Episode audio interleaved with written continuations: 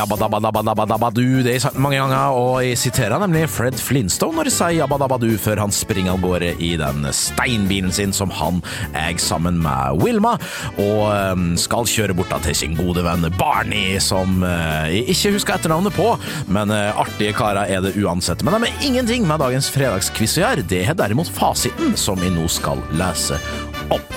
Så, Fredagsquizen, fasit. Spørsmål én. Der lurte jeg altså på eh, hva dette nye kontroversielle ølet til Ås bryggeri i Drammen, eh, hva er navnet på det? Og hvis du har svart energiøl, ja, da kan du hake av for ett poeng på spørsmål én. Så var det den stakkars kringkastingssjefen som ble spurt om rundpuling på direkten av Fredrik Solvang. Da. Hva er navnet på vedkommende som er kringkastingssjef og må stå i stormen som Sofie Elise har skapt? Jo, Vibeke Fyrst Haugen. Har du svart Vibeke Fyrst Haugen, da får du ett poeng på spørsmål to. Så hadde vi en liten apropos NRK, for de lager Exit sesong tre nå i eh, disse, disse stormende tider. Og eh, ja, jeg lurte på hva er fornavnet på rollekarakteren til Tobias Santelmann på spørsmål tre, og det riktige svaret her er Henrik. Henrik gir ett poeng på spørsmål tre.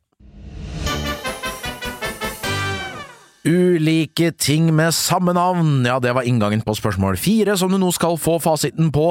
Jeg lurte på hva som både er et produktnavn fra Nidar, et rumensk rockeband og et fabeldyr fra Midtøsten.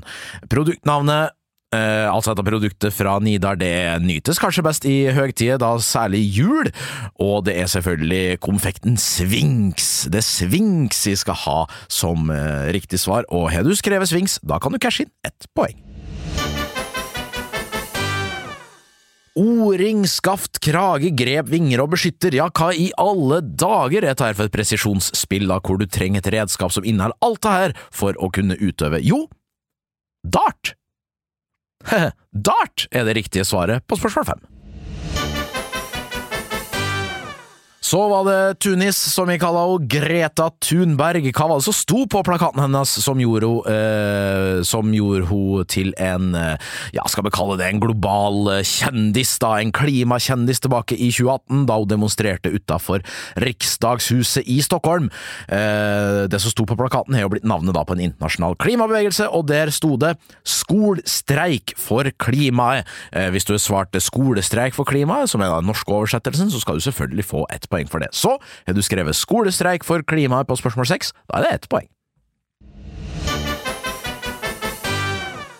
Tenk at vi har klart kunststykket å ha én norsk idrettsutøver som har vunnet Premier League med to ulike klubber, da gitt. Ja, eh, hvem var det, var spørsmål sju, og vedkommende han vant i 1995 og i 1999. Og eh, for dere som er kjappe da til å resonnere dere fram, så er det selvfølgelig en spiller som har spilt for både Blackburn og Manchester United. Og vedkommende spilte i forsvar og het for Henning Berg. Henning Berg, ett poeng, spørsmål sju.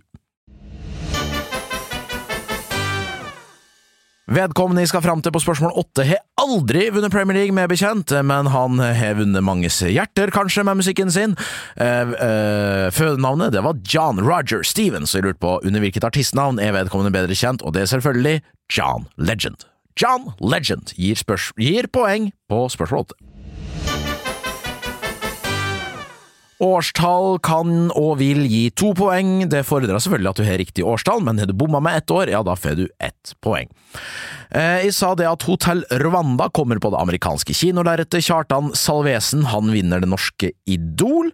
Eh, WoW, altså dataspillet, blir utgitt i Nord-Amerika, og Shabana Rehman løfter mullen Krekar. Og alt det her, det skjer i 2000 og 2004.